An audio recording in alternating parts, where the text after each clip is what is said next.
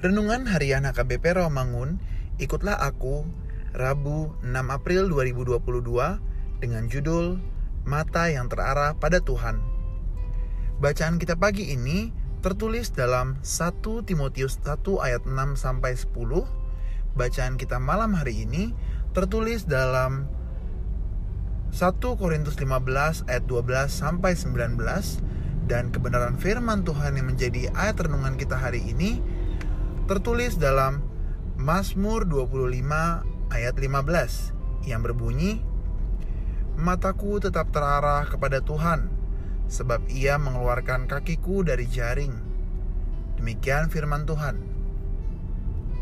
Sahabat, ikutlah aku yang dikasihi Tuhan Yesus. Di dalam menjalani hari-hari yang berat, penting sekali bagi kita mengarahkan pandangan kita pada hal yang pasti, dan sumber pertolongan yang sesungguhnya bukan sesaat. Ketika kita salah dalam mengarahkan mata kita tentu akan menyesatkan jalan hidup kita ke depannya. Mazmur 25 ayat 15 ini memanggil kita saat ini agar senantiasa hidup kita, mata kita dan pengharapan selalu terarah kepada Tuhan.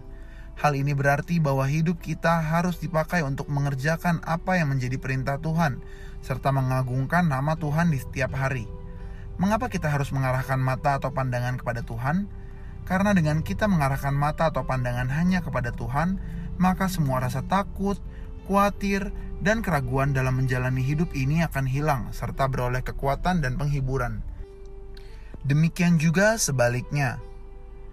Bila mata kita hanya terus tertuju pada situasi atau kondisi pergumulan saja, maka ketakutan dan kekhawatiran akan menghantui hidup kita Hidup yang terarah kepada Tuhan berarti hidup yang mengandalkan Tuhan sebagai sumber keselamatan, kekuatan, dan solusi atas segala persoalan.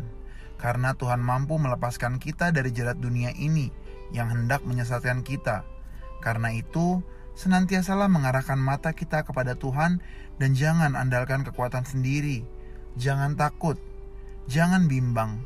Penunjuk jalan hidup kita jelas sekali datang hanya dari Tuhan Ikutilah dia dan dengarlah suaranya yang menuntun hidup kita. Amin. Marilah kita berdoa.